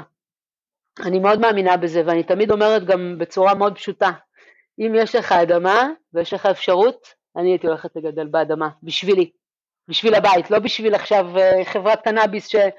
חייה תלויים בקטיף הנוכחי. בשביל הרמה הביתית, ללא ספק, אני תמיד הייתי מעדיפה לגדל גם את האוכל שלי וגם את הקנאביס שלי לגדל באדמה. כשאנחנו מגיעים לסיטואציה אורבנית, זה כל הרעיון, אין לי אפשרות לגדל באדמה, אין לי אדמה, אני על גג, ולכן ההידרופוניקה היא קלאסית לגידול אורבני. זה למעשה הדרך שלי להצליח להתגבר על העובדה שאני ללא אדמה, ואני יכולה לגדל בכל מקום, לייצר סטנדרט, סטנדרטיזציה מאוד טובה ו, ובאמת להנגיש את, ה, את, ה, את היכולת הזאת לגדל, וגם ברגע שאנחנו עושים את זה בצורה, בואו נקרא לזה אינטליגנטית ו, וחכמה, מתכננים את המערכת ההידרופונית בצורה כזאת שיש לה מספיק buffer, אז זה הופך להיות אפילו יותר קל מלגדל באדמה, כי יש לי הרבה פחות משתנים אה, לדאוג להם, יש הרבה, חוסר, הרבה פחות חוסר ודאות, וזה למעשה היה החזון שלנו עם, עם החברה שהקמנו, עם, עם ה-Living Box, שזה בעצם לייצר קיט הידרופוני, שהוא מפושט וקל ו, ו, ומונגש ומאפשר לכל בן אדם ללא תלות בסוג האדמה שלך, ללא הבנה בתנאים, להצליח לגדל everywhere. אז ללא ספק הידרופוניקה וחקלאות אורבנית זה דבר שהולך ביחד. אגב, אני רואה יותר ויותר מערכות אה, אוטומטיות או עם יכולות אוטומציה של אה, גידול אה, שדורשות רק התערבות מינימלית של המגדל. האם המערכות האלה לרוב משתמשות בשיטות ההידרופוניות או דווקא באדמה? רוב המערכות הללו, יש כל מיני חברות, לא, לא נציין את שמן, אבל שבאמת כולן מבוססות על ההידרופוניקה. והיום להצליח לגדל באדמה, שוב, יש מערכות אוטומציה שגם מגיעות לאדמה, אבל בדרך כלל גם צריך להבין שכל המערכות האוטומטיות האלה, במיוחד שזה בסקייל קטן, כלומר בדרך כלל אותו מחשב שיפעיל לי השקיה של צמח אחד יכול גם להפעיל לי השקיה של אלף צמחים. אז כשאני מגדלת בקטן זה בדרך כלל פחות כלכלי לי. אז באמת כל המערכות הללו עם האוטומציה והזה מאוד מגניבות, מאוד יקרות. זה מאוד יקר. זאת אומרת שלא צריך את זה, זה לא נחוץ לגידול של עציץ או שניים. כן, אני הייתי מעדיפה להשקיע בבחירה של גנטיקה נכונה, למקום הנכון, זרע אחד איכותי באדמה ולהתראות. זה מה שאני ממליצה למגדלים בבית, והאמת שיש לי גם איזה הרבה, הרבה מחשבות ודברים שאני בעצם אה, פועלת אה, לקראתם בשביל להנגיש את הנושא הזה למגדלים בבית. אז חזרה לשאלה, אחת השאלות הקודמות ששאלתי, אני לא בטוח שקיבלתי תשובה, מה צריך לקרות בשביל שגידול אורבני ייכנס עמוק למיינסטרים? כאילו איפה, איפה אנחנו נמצאים היום וכמה זמן להערכתך אנחנו נראה את זה בכל, אה, ברוב הבתים בישראל או במדינות מערביות? שאלה יפה, בכנות הלוואי והייתה לי את התשובה עליה, כי אם נלך רגע גם לחזון שלי ועם החברה שאנחנו ניסינו, עם Living Box שניסינו באמת לקדם ולדחוף את הרעיון הזה, לצער, לצערי הבנתי שהזמן עוד לא, עוד לא פה מבחינת הנכונות וה, וה, והיכולת והמודעות, כי צריך לזכור שכמו שאמרנו שוב על הנושא של העלויות, כשאני הולכת לאוטומציה, כשאני הולכת למערכות שהן עם תשתית כבדה, יש לי הוצאות מאוד מאוד גדולות. וכשאני בסוף מנסה להחזיר את ההחזר השקעה הזה, אה, זה לא בדיוק כלכלי. אוקיי? אז מה שאני מנסה להגיד זה שכמו שאני רואה היום את הדבר, החוות האורבניות הן למעשה בעיקר מרכז של ידע, מרכז של השראה, מרכז של לימוד על שיטות, אבל למצוא את הדרך שבה זה יהיה כלכלי, לגדל לעצמך בבית עם החוסר זמן והאתגרים, זה יותר מה שנקרא תחביב שאתה עושה בשביל הנשמה שלך, מאשר למען הכלכליות שלך. אז זה למעשה הקפיצת מדרגה שצריכה לקרות בשביל שזה יתפשט. שיותר ויותר אנשים יבינו, יבינו את הערך של לגדל לעצמם את הקנאביס, לגדל לעצמם את האוכל, ואז יש לזה מקום, כי, כי יש לזה מחיר. יפה, אני מסכים לחלוטין, ואני דיברת על Living Box, אני רוצה שנייה לחזור לעסק שבנית. בסופו של דבר נכשלת, כך קראתי. נכון. ספרי לנו מה, מה לא עבד שם בדיוק, ומה למדת מהכישלון הזה אם בכלל. מדהים. תראה, בתקופה ההיא זה היה מאוד, מאוד מאתגר וקשה. היום אני מסתכלת על זה לאחור ואני מאוד מודה גם על התהליך הזה, אני חושבת שבאמת למדתי המון. בעיקר, אתה יודע, מתי הרגע הנכון לוותר. כאילו, יש פה איזושהי נקודה שעשיתי כל מה שאני יכולה, ואני מגיעה עם הרבה אנרגיות והרבה תשוקה למה שאני עושה, ובאמת, אתה יודע, זה הגיע לרמות שהרציתי באו"ם מול 15 ראשי מדינות מאפריקה ומר בנימין נתניהו, ובאמת כל מיני אירועים שאתה אומר, וואו, איך כאילו, איפה הדיסוננס, כאילו, מה קורה משם, לאיפה, איפה הכסף, מה שנקרא. ובאמת yeah. אני חושבת ש... כמו שאמרתי קודם, להצליח לחנך את, את, ה, את העולם, אה, ללכת בדרך הזאת, זה, זה, זה משימה מאוד מאוד קשה. ועם כל הרצון הטוב, עם כל הנכונות של האנשים לגדל לעצמם את האוכל, ברגע שהם מבינים את המשמעות העומדת מאחורי כך, או לצורך העניין אפילו לקנות מערכת שאנחנו הגענו איתה למחיר 800 שקלים, כן? 800 שקלים ל- להיות חופשי מכל, ה- מכל הירקות שלך, כל הירקות לסלט. ועדיין להבין שזה לא הוצאה פשוטה לבן אדם, פתאום עכשיו לקום, it's not a necessity. מתי זה התחיל להיות necessity פתאום? בתקופת הקורונה, בתקופת הסגר הראשון השני, אני התחלתי לקבל גל, גל של טלפונים ואימיילים מכל העולם, פתאום כולם, אני חייב לדאוג לעצמי, אני חייב לעשות לעצמי את הגינה. כלומר, אני, אני רואה איך זה עוד מתפתח, אבל לצערי הרב, כשאני הייתי שם, כשאנחנו היינו שם, זה לא קרה. ומה שקרה בסוף זה שניסינו לעשות טוב ולעשות כסף באותו הזמן. כאילו, המשקיעים שלנו אמרו לנו, רגע, למה רק 800 שקל? 800 שקל זה, זה, זה לא מספיק טוב לי לתוכנית העסקית, אני לא עושה מספיק כסף. ואני הסתובבתי שניסיתי לגייס עכשיו 2.5 מיליון דולר להקמת הייצור המסחרי. היינו עם בטות כבר, 50 בטות בעולם, הלך מדהים, היה טוב, אבל היינו צריכים את הקפיצה הזאת. להתחיל שיווק, להתחיל תמיכה, להתחיל הכל, וזה היה צריך קפיצה קוונטית כזאת.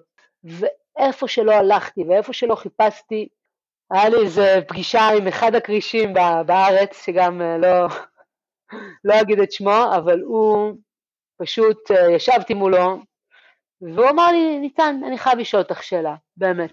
תראי, אני, ברוך השם, יודע לעשות כסף. למה לי לסכן את הכסף הזה בתוכנית עסקית שהיא לא עד הסוף, מאשר פשוט לקחת את הכסף שאני עושה ולתרום אותו למי שאני רוצה. שאלה טובה. שאלה מדהימה, שאלה מדהימה. Uh, כמו שאתה שם לב, לא היה לי באמת uh, תשובה טובה, ובאמת באותו הרגע אני חושבת שהתחיל ליפול לי האסימון הזה של כנראה ש- it's not the time, והתחיל תהליך מאוד, uh, מאוד עמוק של, של שחרור. טיימינג is everything, לא? זה, זה קלישאה שתמיד אומרים בעולם העסקים, נכון. שתזמון זה תמיד אה, אה, אחד הגורמים החשובים ביותר בהצלחה של עסק, אבל גם את אומרת במקרה הזה, אם היית אה, אולי משיקה את העסק שלך בתחילת הקורונה או תוך כדי קורונה, יכול להיות שהתוצאה הייתה אחרת, לא? לגמרי כן. לצד זאת חשוב לי עוד, אה, עוד אה, לשתף שיש עוד אתגר שאין לי פתרון אליו כרגע בעולם, ה, בעולם הסטארט-אפי, וזה כל הנושא של IP, intellectual property וכל הנושא של פטנטים. הרעיון שלי זה להנגיש. אני open source, yeah. אני לא רוצה פטנט, זה לא מעניין אותי פטנט. אני חושבת שפטנט זה... את המשקיעים שלך זה מעניין, אותך לא. בדיוק, זה, זה. המשקיע בלי פטנט לא, לא חותם על כלום. אז, אז, אז גם היום כשאני מסתכלת על זה, אני אומרת, אני מעדיפה עכשיו להעלות יוטיובים, בואו חבר'ה, בואו תראו איך עושים את זה. זה כאן, זה פה, זה פשוט. כל אחד יכול, מאשר להמשיך את השקר הזה, אתה מבין? כי השקר הזה, בשבילי הוא לא מתאים יותר. אני, אני כאילו גם בשמחה גדולה ובאהבה גדולה, אני, אני שחררתי את עצמי מהעולם הזה. אני, אני לא מאמינה בעולם הזה, אני מאמינה ב open source, אני מאמינה בלפתוח את הידע הזה לכולם, זה מה ש... זה לפי דעתי העולם החדש שמגיע, ואני חושבת שחלק מהקנאביס וכל הלופ הזה של התעשייה הזאת, דרך אגב, ש... לי יש המון השראה מעולם הקנאביס, אה, דווקא בגלל שהוא יצא מהחוק, הוא הגיע לאן שהוא הגיע. ודווקא בגלל שהוא יצא מהחוק, חיפשנו בנרות דרכים להראות שזה צמח מרפא שיש לו לגיטימציה. לא דיברנו על ההשפעה הפסיכואקטיבית על התודעה, אנחנו דיברנו על האיכויות הרפואיות. ואז כשהתחלנו לחקור, הפלא ופלא, כמה benefits מדהימים גילינו עכשיו. מה, אתה חושב שזה רק הצמח קנאביס? ממש לא. אגב, לא. בהקשר הזה אנחנו מדברים על הדיסוננס הזה גם בהקשר של אה, פטריות ההזיה והעולם אה, הרנסאנס הפסיכדלי, מצד אחד אה, גישה הוליסטית שמדברת על צמח או על הרבה מרכיבים שיש בצמח, מצד שני חברות פרמצבטיות שמחפשות את הפטנט הזאת, את הרכיב הקסם היחיד, היחיד שייתן להם את הפתרון. אז איך, מה, איך את רואה את הדיסוננס הזה ב, ב, בכל מה שקשור ברנסאנס הפסיכדלי? אז זהו, אז, אז אני חושבת שזה גם דרך אגב מה שיפה, שכמה שלא מסתובבים ומנסים, ו-isolate, ו-isolate this, ו-isolate that, חוזרים בסוף לפרופסור משולם עם אפקט האנטוראז' שמדבר ו- ו- ו- ומראה בצורה בהירה, חבר'ה, זה לא חומר אחד, זה לא שני חומרים, זה מאות חומרים שמדברים יחד. ויש לנו היום אה, הוכחה חיה בדמות אה, דדי מאירי, שהוא דוקטור מדהים שעושה עבודה מדהימה בטכניון, ובאמת בעצם מפרק ועושה פוטפרינט ופרופילים מדויקים של עשרות חומרים פעילים ומראה את הסינרגיה ביניהם ומראה איך, איך שני זנים עם, עם הבדל קטן שאנחנו לא היינו מתייחסים אליו, אתה יודע, קצת יותר CBN או, או איזה טרפן כזה או אחר, ו, וזה yeah. משנה את כל האיכויות וההשפעות, כלומר כמה שהתעשייה לא רוצה ומנסה לעשות את הפטנט, זה לא בדיוק עובד. זה מה שמרגש אותי דרך אגב, כי תראה מה קורה, כאילו, יש פה כאוס שלם. החברות הפרמצפטיות מנסות כאילו לאחוז ולהישען ו... ולנעוץ את הציפורניים בתוך הדבר הזה, אבל פעם ראשונה שנעשו מחקרים על צמח, זה רק בזכות הפליפ של הקנאביס שהוא יצא מהחוק וחזר לחוק, ועכשיו שיש כאילו התעניינות, אז אני חושבת שדווקא האמת, כמה שנחכה בסבלנות, היא פשוט יוצאת לאור. אה, והעולם החדש יהיה באמת, אה, יאפשר, בזכות המודעות החדשה הזאת שנכנסה, על היכולת של צמחים לרפא, להיכנס לעולם אה, מאוד, מאוד מרתק ומעניין, ש, שבמהות שלו הוא לא יכול להיות עם פטנט. אי אפשר לפטנט צמח. זה כל היופי. לגמרי, לגמרי. טוב, זו שיחה נראה לי מאוד מרתקת שאין לה סוף, אנחנו יכולים לדסקס אה, שעות על הנושא הזה. אז ניצן, ברשותך אני רוצה לעבור לכמה שאלות אישיות. בטח. איך את משתמשת בקנאביס, אם זה עישון, אידוי, אכילה וכולי, ומהם הזנים או המוצרים האהובים עליך ביותר? אז תראה, אולי קצת שומעים גם לפי התדר שלי, אבל אני אה, אישה שהיא מלאת אנרגיות, אה, ואפילו, אתה יודע, אובחנתי, לא אובחנתי HDHD, זה לא בדיוק אה, רלוונטי ומשנה, אבל אני מרגישה שהעבודה עם הקנאביס מעבר לפרץ יצירתיות ויכולת להתבונן ולחשוב מחוץ לקופסה והרבה רגעים כאלה של וואו ולהתחבר לרגע ו, וכיף גדול ומתנה, ממש זה כלי מדהים בשבילי לקבל פוקוס, ריכוז, לשבת על המחשב, ו, ובאמת אה, לפחות מהמחקרים האישיים שלי, אז אני מאוד, אה, אני מאוד מאמינה בעולם הטרפנים. אני חושבת שהטרפנים yeah. הם אלה שעושים את הדיסטינקטיות של ההשפעה. ואני מאוד מחוברת לטרפנים אה, של alpha-pinene ו D-limonene. זה שני טרפנים oh, שהשילוב שלהם בשבילי הוא מדהים ברמת הפוקוס, ברמת החדות, ה clarity, עם כמובן כלילות ונעימות אה, בגוף. אני גם מאוד מאמינה היום בזנים, אה, מה שנקרא בארצות הברית type 2, one to one ratio, CBD, yeah. and THC, אה, שזה כזה מאוזן ובאמת לא שולח אותך להיעלם ולאבד, אז, אז כן, אני צורכת קנאביס בצורה מאוד, מאוד חופשית, גם ברמה recreational וגם בשביל להיעזר בנקודות ספציפיות, אבל מאוד חשוב לי לשתף ולהגיד אה, שלפחות אצלי זה ריליישנשיפ שהוא גם מאוד מורכב. אה, יש פה... זה אצל רובנו אני נכון, חושב. אצל... נכון, כן. לדוגמה הנה שיתפתי אותך קודם, אה, אתמול יצאתי להפסקה, עד הודעה חדשה, היו, הייתה גם פעם שיצאתי להפסקה לשלוש שנים, שזה היה okay. אוקיי. מרגש, ואז התחלתי להעביר הרצאות בעולם על באמת על ה-use מול ה-abuse.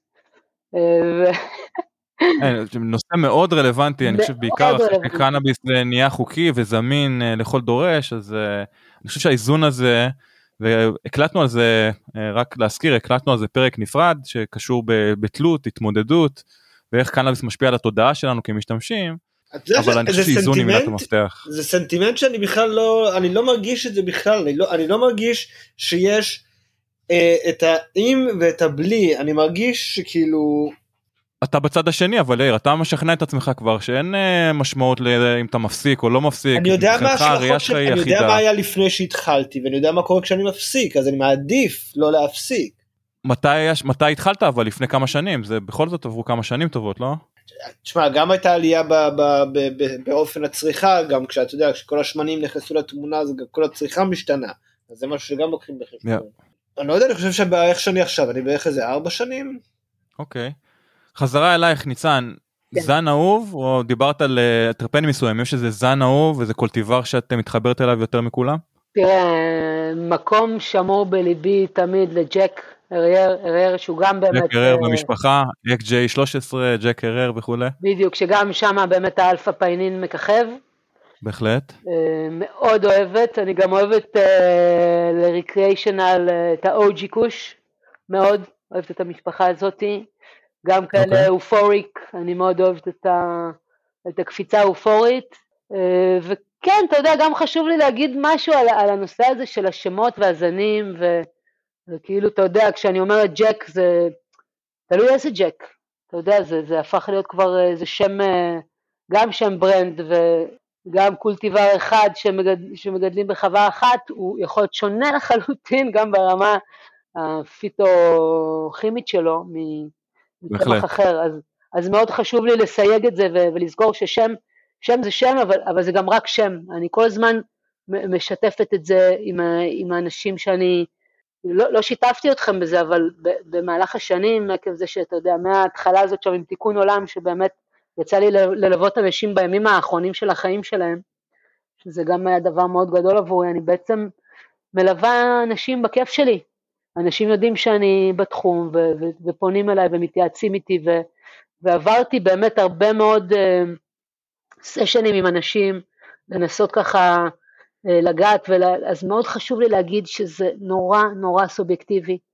הדבר, הבן אדם היחיד שיכול להגיד לך מה לקחת זה אתה עצמך. ויש פה נושא גדול מאוד של הקשבה פנימית, ובאמת איזשהו רפלקשן כאילו כנה ואמיתי, כאילו יאיר רק להגיד משהו לגבי מה שאמרת, אז גם ברמה המדעית זה הוכח שהיכולת של הגוף אה, לפתח עמידות לקנאביס היא מטורפת. כלומר, yeah. מה שקורה לך היום שאתה צורך זה לא, הנה לדוגמה, כמו שדיברנו, דן, מה קורה אחרי שצורכים אחרי חודש ללא, ללא שימוש. אז yeah. יש פה עולם שלם ש, ש, שגם צריך אה, לחקור אותו בשביל להבין מי אני, כאילו, בשביל עכשיו שאני, היום, היום אני הפסקתי לצרוך קנאביס, ואני מניחה שתוך רק שבוע, שבועיים אני אתחיל באמת להרגיש את, ה, את האיכות הזאת של להיות uh, ללא קנאביס. אז uh, יש פה באמת עולם, uh, עולם גדול להעמיק בו. לגמרי. אילו שחקנים את מעריכה בתחום החקלאות האורבנית, אם זה בארץ או אם זה בעולם? אז בארץ יש את שותפי לשעבר בחברת Living Box, שמו מוטי כהן, הוא החלוץ, החלוץ, החלוץ של החקלאות האורבנית וההידרופונית במדינת ישראל, עם פרויקטים מדהימים של באמת הרבה עזרה לזולת וסושיאל אימפקט והשראה, ואני מזמינה את כולם גם להגיע ולבקר אצלם בחווה בבית חירות, ובזמנו גם באמת ככה לסגור את הסיפור של החלום להקים חווה אורבנית בתל אביב, אז אחרי שעבדתי בהידרופוניקה המסחרית, אה, פגשתי את מוטי, עברתי למכמורת בעקבות אהבה, ופגשתי את מוטי, והתחברנו ברגע, והוא אמר לי, טוב, ניצן, תקשיבי, את הגעת בזמן מעולה, אני צריך עזרה, אנחנו מקימים פרויקט על הגג של הדיזינגוף סנטר. אז הקמנו פרויקט מדהים, אלף מטר על הגג של אה, הדיזינגוף סנטר, עדיין קיים, מוזמנים להגיע לבקר שם. גם הרבה מאוד סדנות. וואלה, עדיין קיים? גם היום ב-2022? בטח, ובטח, ובטח. מאוד מאוד מומלץ להגיע. באמת הכמות של סדנאות ואנשים שנחשפו ל... ליכולות עקב החווה הזאת אה, מדהימות. אז מוטי... ניצן, גם בעולם... אה, פרויקט כן. אונייה? כן, איך, אה, איך שמעת על זה? מעניין. Uh, לא, אני הייתי מסתובב הרבה באזור של התחנה המרכזית, אז יצא לי להתקל בהרבה דברים שהם עשו. נכון, כן, אז גם, גם אותם uh, ליווינו, תמכנו, מקסימים, מקסימים מקסימים. זה גם מה שיפה בעיניי, נגיד רואים את, uh, את מוטי, uh, השיתופיות של המידע, הפתיחות. הוא כתב ספר מדהים לאו"ם, ל-FAO, Food and Agriculture Organization, איך להקים uh, מערכת אקוופונית בכלים פשוטים. כל היכולת הזאת של ה open source, ובאמת כל מי שפונה בואו, בשמחה, אנחנו רוצים לחלוק. אה, זה הדבר הגדול שאני חושבת שבאמת האיכות, אה, האיכות של העולם החדש שאנחנו נכנסים אליו, אה, שם היא הולכת להיות משמעותית. מסכים לגמרי. אז אילו סגמנטים מלבד גידול מרגשים אותך בתעשיית הקנאביס ספציפית? אז אני באמת חושבת, אם אתה יודע, אם הזכרתי לרגע את דוקטור דדי מאירי והעבודה שלו, אז אני חושבת שהתחום הזה, זה, זה התחום שאותי אותי באמת uh, מעיף כל כך גבוה, גם בגלל שזה פעם ראשונה ש, ש, שרואים מחקרים אמיתיים, מקצועיים, של אנשי מקצוע, שלוקחים צמח ו, ומראים את, ה, את היכולות הרפואיות שלו. אה, זה אחד. הדבר השני, כמו, ש, כמו שאמרתי, זה באמת הספציפיות של הזן. כאילו, מה, מה, מה ההבנה של המורכבות של כל זן וכל תרופה בפני עצמה, מגיעה הבנה שאין לי שום דרך לסנטז או לחקות את זה במעבדה. ו- ומכאן אני חוזרת חזרה לצמח. אז אני חושבת שללא ספק אה, העושר הגנטי, שגם לא דרך אגב זכינו בעיקר בגלל שהוא יצא מהחוק. הרי רק בגלל שהצמח יצא מהחוק התחילו כל הזנים ההיברידיים, והתחלנו למצוא דרכים לגדל ב-confined places ולקבל את האיכות הזאת ובלי האיכות הזאת. אז המגוון, הדייברסיטי שנוצר ב, ב, בגנטיקה של, של הצמח הזה, עם היכולות והכלים המטורפים ש, שעושים שם בטכניון, זה the next level, זה מה שמרגש אותי יותר מהכל. לגמרי. מהו הטיפ הראשון שהיית נותנת ליזמים מתחילים בתחום הקנאביס או בכלל? טיפ שלא למדת בבית ספר. אוקיי, okay. אז uh, לגבי באמת התעשייה של הקנאביס, אוקיי, יש לי משפט, אה, קפץ לי עכשיו ברגע שגם... אה, אבל הוא מאוד, הוא מאוד מתאים גם לקנאביס וגם לכל עולם הסטארט-אפ. ואת זה קיבלתי okay. אוקיי. מיועץ שהיה אצלנו, לא בבית ספר, אבל הוא כן נתן לי את המשפט הזה. Don't get high on your own supply. הופה. אהבתי, אהבתי. את רוצה, רוצה לתרגם למי שלא מבין את המשמעות מאחורי המשפט הזה? בטח, אני, אני, אסביר את, אני אסביר את הרעיון. אז דבר ראשון, כשאתה מפתח מוצר, אתה לאט לאט, בלי לשים לב, you fall in love with the idea, you fall in love with the concept, אתה בטוח, אתה כן. בטוח שזה המוצר שכולם וכולם וכולם בדיוק צריכים ורוצים. עכשיו, זה, זה טוב שיש לך כן. גם את הגישה הזאת, כי זה ה drive שגורם לך to go and to do, אבל מאוד חשוב, מאוד חשוב להבין את, ה, את החוות דעת מה, מה user הסופי, אוקיי? כלומר, זה שאני מאוהבת במוצר שלי זה אחלה, אבל כל הזמן POC, כל הזמן לבדוק, כל הזמן לתת החוצה לשטח, לקבל פידבק, ולא, ולא לשמוע פידבק, אה זה לא משהו טוב, אני אלך למישהו אחר, לא, להבין מה לא עובד, לשמוע את, yeah. את הכאב של הלקוח קצה. זה הדבר לפי דעתי הכי, הכי משמעותי לכל סטארט-אפ, כי, כי לאט לאט אנחנו צוללים לתוך uh, פרטים ועומקים, ואנחנו כבר שוכחים בכלל, רגע, מה, מה הבן אדם בחוץ רוצה? מה, האם yeah. המחיר נכון? האם המוצר נכון? האם הדרישות? אז, אז זה הדבר הכי, הכי גדול. עכשיו, ברור שאתה מתאהב במוצר שלך, כי, כי זה גם, אה, כי, כי זה גם, אתה יצרת אותו, ובמיוחד אם אנחנו מדברים על הקנאביס, כן, אז, אז גם מבחינת הזן שלך, אוקיי? אז יש את התחום הזה. I am the master grower, I am the best grower, the best weed in the world. וואלה, כבר הלכתי, ישבתי, ב, ישבתי ב, ב, בתחרויות של, אה, אתה יודע, the best extract in the world בתור השופטת. אחרי טעימה ראשונה, שנייה, אתה כבר גם ככה לא מבין מי אתה ומה אתה, אז כלומר, כן. כל העולם הזה של להיות ב-the best, קצת להוריד את, את המקום הזה של המגלומניה למקום יותר, אה, יותר צנוע, שמאוד מחובר ל, ללקוח קצה. זה, זה הטיפ הכי גדול שיש לי. מאוד התחברתי, נקודה מעולה. בהקשר לשאלה הזאת, הרבה יזמים מתבלבלים בין כוח רצון ולא לוותר לבין לדעת מתי לנטוש, אז איך יודעים מתי צריך לסגור את הבסטה? וואו, וואו, זאת שאלת המיליון. שאלת המיליון. תראה, זה כזה... זה משהו, פנימי, זה קול פנימי, זה, זה, זה, זה, זה קולות חיצוניים, זאת אומרת, אם רק אני חושב ככה וכל הסביבה שלי חושבת אחרת, אולי זה הזמן לנטוש, כאילו, מה, מתי זה קורה? מה השלב האידיאלי לנטוש, אם, אם יש כזה בכלל? כן, ללא ספק יש שלב כזה. וכמו שאני חוויתי את זה עם, ה, עם החברה שלי, זה, זה גם השיעור הכי גדול שלמדתי, זה ל, ל, ל, לקום ולהגיד uh, I'm done, ולעמוד מול המשקיעים שהפסידו עכשיו ערימות של כסף שהלך לפח. Yeah. ו...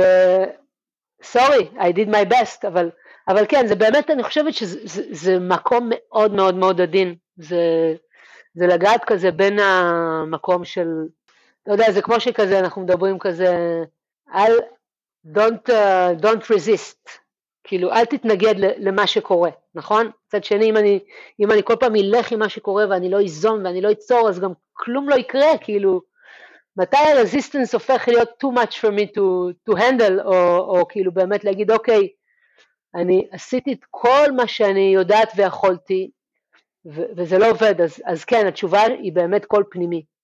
אין, אין איזשהו, אין איזושהי, כן, איזושהי נוסחה שאני יכולה לבוא ו- ו- ולהציג ולהגיד, ולהגיד זה קשור אגב באגו שלנו בצורה כזו או אחרת, זאת אומרת במילים אחרות ככל שהאגו שלך נפוח וגדול יותר יהיה לך הרבה יותר קשה לשחרר מה, מהמיזם שלך שמה לעשות נכשל?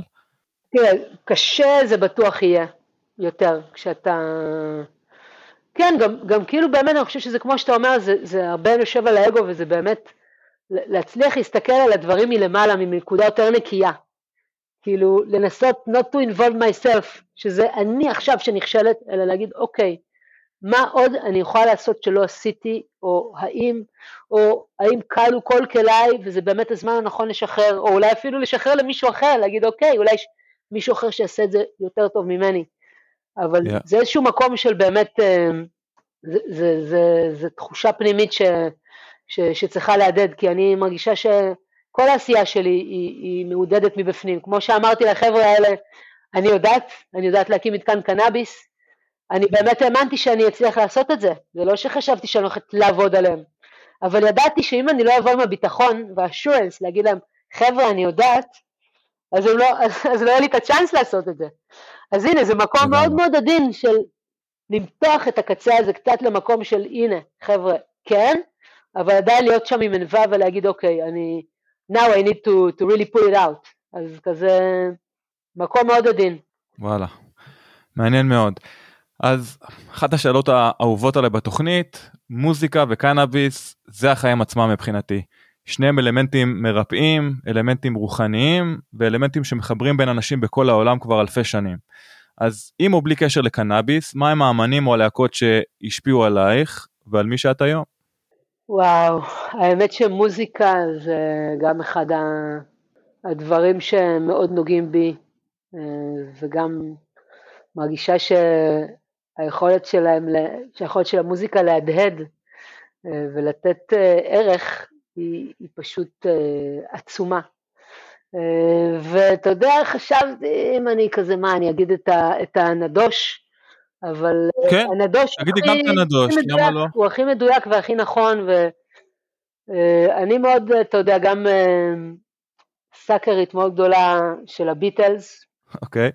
שזה גם, אתה יודע, העולם הפסיכדליה שם הוא... הוא, הוא, אתה יודע, עם הרבה מאוד ניצוצות, גם מי שקצת מכיר את ההיסטוריה אז מכיר את... אה, שם זה התחיל, גם יש את כל המסלול המעניין, הסאחי אה, לכאורה שהתחיל סאחי ונמשך לתוך אה, מין מסע פתלתל פסיכדלי, אם זה בגלל קנאביס ובוב דילן או פסיכדלים אחרים, אז לגמרי אני מתחבר לזה. אז לגמרי, הרבה, הרבה גם קצת, יש שם סיפור מאוד עמוק עם עולם הפטריות, דרך אגב. הם, אה, שזה סבינה אחת, אה, אישה מדהימה שהייתה באמת אה, כזאת גורואית של הרבה, של ג'ניס וכולם היו נוסעים אליה והיא פתחה להרבה אמנים את, ה, את, ה, את הצ'קרה. הצ'קרות. כן, כן, אז, yeah. אז כן, אני מאוד מאוד מזדהה באמת, כמו שאתה אומר, רואים את כל הכרונולוגיה, את כל הדרך הזאתי, אז זה בעיניי מדהים. הביטלס תמיד, תמיד, תמיד הם, הם בליבי עמוק. בוב מרלי, okay. בוב מרלי, גם, אה, גם קנאביס, גם לא קנאביס, כל, כל, המי, כל השירים, המילים שם זה פשוט משהו שכמה שאני לא אעמיק זה עדיין רק הקצה של הקרחון שם עם, ה, עם הדיוק והיופי, וה, אז אה, גם בוב זה משהו שבאמת קודם כל בוב מרלי אני לגמרי איתך אני מסתכל חלק גדול מהמשפטים שלו הפכו מאז לקלישאות אבל אז אתה אומר רגע הקלישאה הזאת היא, היא בעצם נכונה זאת אומרת כל מה שהוא שר עליו זה באמת נכון. חד משמעית אתה יודע אנחנו המושג של קלישאה לפי דעתי פשוט אה, נפלט לנו כתוצאה מאובר ציניות. לגמרי. במקום שלא יודע להכיל כאילו את האמת הפשוטה הזאת. חבר'ה האמת כל כך פשוטה. open your heart, love, fall in love with love, that's it. כאילו השאר, אה, השאר שם, אז, אז כן, אז אני מאוד אוהבת את הכנות ואת הפשטות ואת האלגנטיות, פשוט להניח את הדברים שם והם מאוד עמוקים. אז כן, הקלישאה הזאת תמיד זה כאילו משטח איזה משהו, ואני, ואני חשוב לי להגיד שכן, אני ממש רואה בזה אמת, אה, אמת מאוד גבוהה ופשוטה ובהירה, ו, ופשוט להקשיב לשירים שלו, זה, זה כל שיר זה, זה עולם. אמ, לגמרי. טרייסי צ'פמן, גם, אה, וואו, היא כזו תמיד כזה של הבלוז כזה, תמיד הלב שלי גם היא נגעה בי תמיד. Yeah. כן, אלה, אלה העולמות, uh, כאילו הפסייקדליק רוק של ה-70's, אני חושבת שזה הקטע הזה, אתה יודע, מבחינת מוזיקה, אבל כמובן היום העולמות שלי הרבה יותר רחבים. אני אישית uh, מאוד אוהבת לרקוד, אני מאמינה okay. אוקיי. שריקוד זה, זה אומנות, uh, ריקוד חופשי כזה במסיבה, כן, לא עכשיו uh, בלט וזה, שגם בעבר עשיתי, אבל יותר במקום yeah. של פשוט לתת לגוף ביטוי, לנוע, והמוזיקה שם זה דבר מאוד משמעותי. אז, אז כן, גם, ה, גם מוזיקה אלקטרונית, ויש הרבה אומנים מדהימים שאני נהנית uh, לשמוע היום. יש לי גם חבר טוב uh, בארץ שיש לו תוכנית רדיו מדהימה, uh, שעם רדיו אינטרנטי כזה, רדיו של, ברדיו okay. אוקיי. מהות החיים. התוכנית נקראת עולם קטן של אורי בנקלטר, אה, אז זה... שמעתי על אורי רבות. אה, אורי הוא, okay. אוקיי. הוא כמו משפחה שלי, חברים, אה, כל המשפחה שלהם חברים, באמת, אנחנו, אהבה מאוד גדולה ו, והמוזיקה הזאת זה, זה בהחלט הגורם המחבר שם. אז מאוד מאוד מומלץ לכל מי שמעוניין, על בסיס יומי יש שם אינסוף תוכניות מדהימות לפי מצב רוח ו, וחיבור אינסופי. מדהים. לפני סיום אני יודע שאתה היום בקוסטה ריקה אז קודם כל איפה, איפה את מעריכה שתהיי בעוד חמש שנים מהיום אם זה פיזית או אם זה אה, רגשית? ומה בכלל הביא אותך לקוסטה ריקה מלכתחילה. מעולה. אז uh, קוסטה ריקה uh, מה הביא אותי לפה? מה שקרה זה שדקה לפני שהתחילה הקורונה אני ליוויתי את uh, חברת קנביט uh, שרכשה את uh, חברת תיקון עולם זה היה מין כזה spinning doors, מסטודנטית בום, קיבלתי את uh, תיקון עולם חזרה, uh, אבל uh, מה שכן, הרגולציה וההתנהלות והתעשייה והקרנות וכל החוקים וכל הבורסאיות הזאתי הגיע אצלי לרמה שכבר זה היה מין כזה קצה, קצה, קצה, והיה לי מין כזה הזדמנות כזו שאמרו לי, תקשיבי, אנחנו צריכים אותך עכשיו פול טיים, משרה מלאה, רק איתנו, בלעדיות, או ש... או שלא. ואני, או שלא, okay. אוקיי. ואני כאילו פשוט עצמתי את העיניים שלי, לקח שנייה אחת בדיוק להבין, תודה רבה, אני, I'm done, I'm done. אז למעשה לפני שנתיים אני חתכתי סופית את כל הפעילויות שהיו לי uh, בתור עצמאית, והיו הרבה מאוד קבוצות שפשוט אחת אחרי השנייה, אמרתי די, מספיק. אז למעשה שחררתי הכל, ואמרתי יאללה okay. בוא אוקיי. נצא למסע. יצאתי למקסיקו. אמרתי אוקיי בוא נראה מי את בלי כל זה. מי זאת. אוקיי. הניצן הזאת? מה היא רוצה? מה, מה היא עושה? אתה יודע, מה שחררתי, עשיתי מין משחק שלם של תחי את הרגע. לשמחתי חסכתי קצת כסף, יכולתי להיות רגועה בהיבט הכלכלי, ובאמת לאפשר לעצמי פשוט uh, to flow. אה, אז דבר ראשון הבנתי שאני לא כזאת שונה. זה אותה ניצן רק בלי הסרטים והחרדות. אוקיי, שזה טוב דווקא, לא? אם יש להשתחרר מכל הדברים האלו. מאוד טוב, ו- ובאמת, יודע, ואז הבנתי כזה, טוב, אני עדיין לכל מקום שאני מגיעה, כל מה שבא לי לעשות זה לעזור לאנשים לגדל עצמם את האוכל. לעזור לאנשים לגדל. Okay. ובמקסיקו, אז הייתי חצי שנה במקסיקו ואז חזרתי לארץ לכמה חודשים. וואלה, גיליתי ששום דבר לא השתנה, הקורונוש עדיין פה איתנו. אמרתי, טוב, אני נוסעת למקום שזכרתי שהוא הכי גן עדן בעולם הזה. כמובן זה קשור גם לגלים, אבל זה נמצא בדרום קוסטה ריקה, בקורקובדו, זה מין national reserve עם שתיים וחצי מאוכלוסיית החיות וצפיפות החיות בעולם. גבוהה, בעולם נמצאת שם, מומלץ, מומלץ, מומלץ, מקום פיור, פיור, פיור טבע. אמ, איזה כיף. איזה חיות את רואה שם אגב באופן אה, תדיר? אוי? לא, יש לי פה חבורת קופים חברים שלי, white face monkey, קפוצ'ינו. קוראים להם פה, ממש אנחנו, אני צריכה להיזהר על הבננות, הם כל פעם גונבים לי את הבננות אם אני לא מחביאה להם. גדול. אה, יש לנו פה הרבה עצלנים, בדיוק סנאי פה עכשיו מסתכל עליי, ציפורים מטורפות, כולל אה, תוכים כאלה, רד מקאו, זה תוכי מטורף, פשוט אחד החיות היפות, אבל הוא פשוט צווח נורא, זה כזה מין כזה, אתה שומע אותו, אתה כזה, "אוי, תשתוק, אבל אז אתה רואה אותו. אתה אומר, טוב, אי אפשר לכעוס עליו. אה, לוויתנים, דולפינים, מחוץ למים, בתוך המים, לא, באמת שפע ודייברסיטי, ש, שרק זה, אתה יודע, רק זה, כאילו כשהגעתי לפה הבנתי, אוקיי, who am I? This is how I want to live my life. וואו. This is my lifestyle. I want to live within the nature. אני, אני רוצה את האוויר הנקי הזה, את המים הטובים, את החיות סביבי, את הסינרגיה הזאת, וזה פשוט, אתה יודע, גם ברמת הגוף שלי, הגוף הפיזי, הגוף הנפשי, זה פשוט מה- מהפכה, מהפכה שלמה, ואתה יודע, לא הייתי בן אדם שעם אה, תזונה לא טובה, ולהפך, אני במודעות מאוד גבוהה, ועדיין אי אפשר להשוות.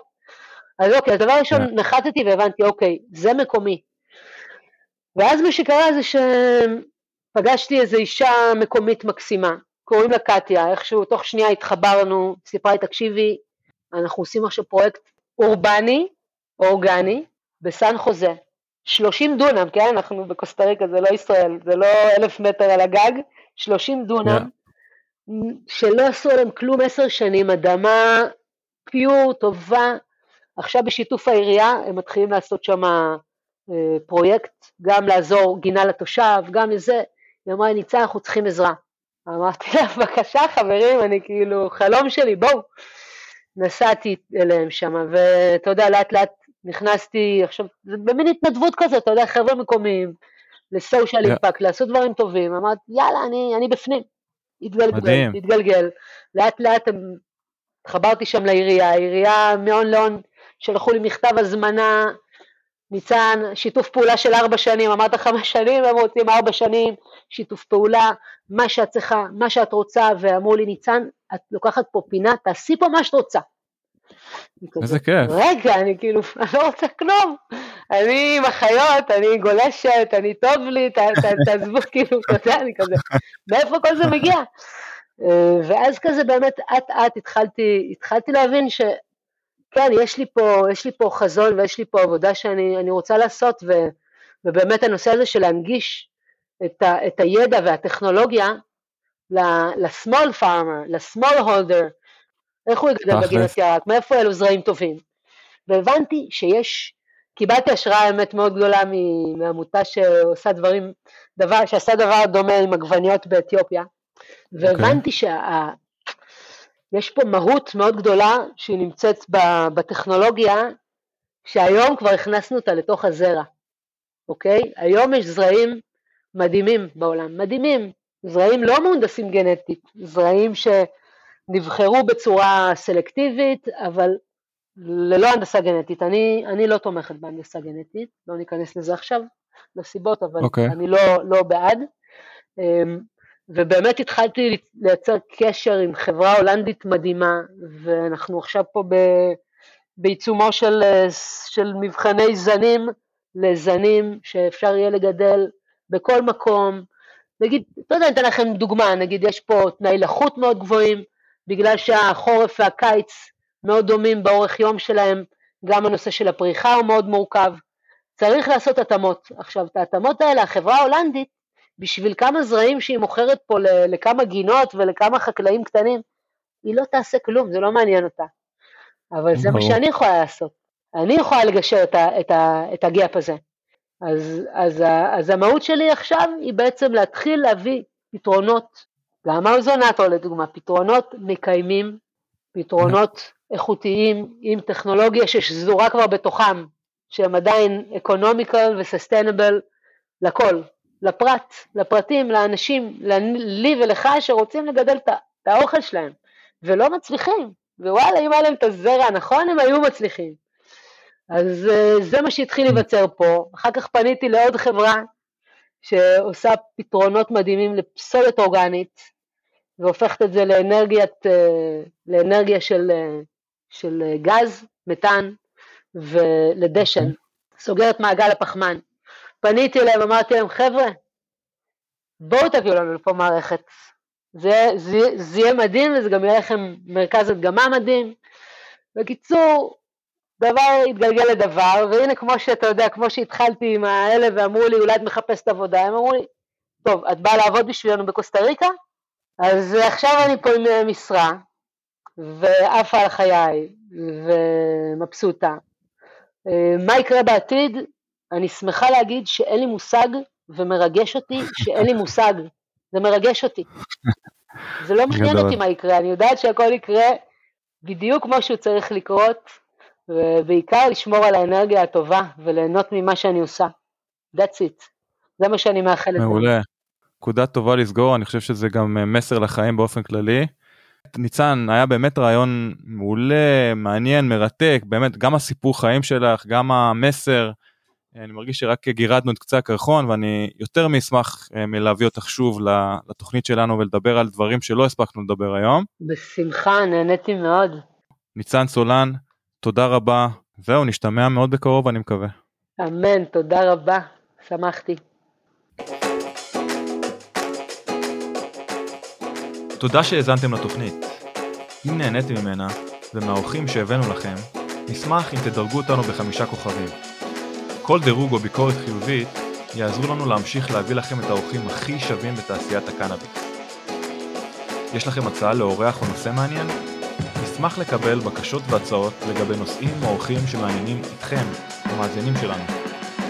אנא כתבו אלינו ל- From Kali to Push at gmail.com From Kali to Push במילה אחת at gmail.com אנא אל תיקחו את האינפורמציה שמוגשת בתוכנית כעצות רפואיות או עסקיות. צרו קשר עם הרופא שלכם או כל גוף רפואי מורשה אם אתם מעוניינים לצרוך קנאביס לשימוש רפואי. התוכנית נעשית מתוך אהבה ותשוקה לצמח הקנאביס, אך אינה מעודדת קנייה לא חוקית של מוצריו. תודה על ההאזנה, נשתמע בקרוב. צ'או.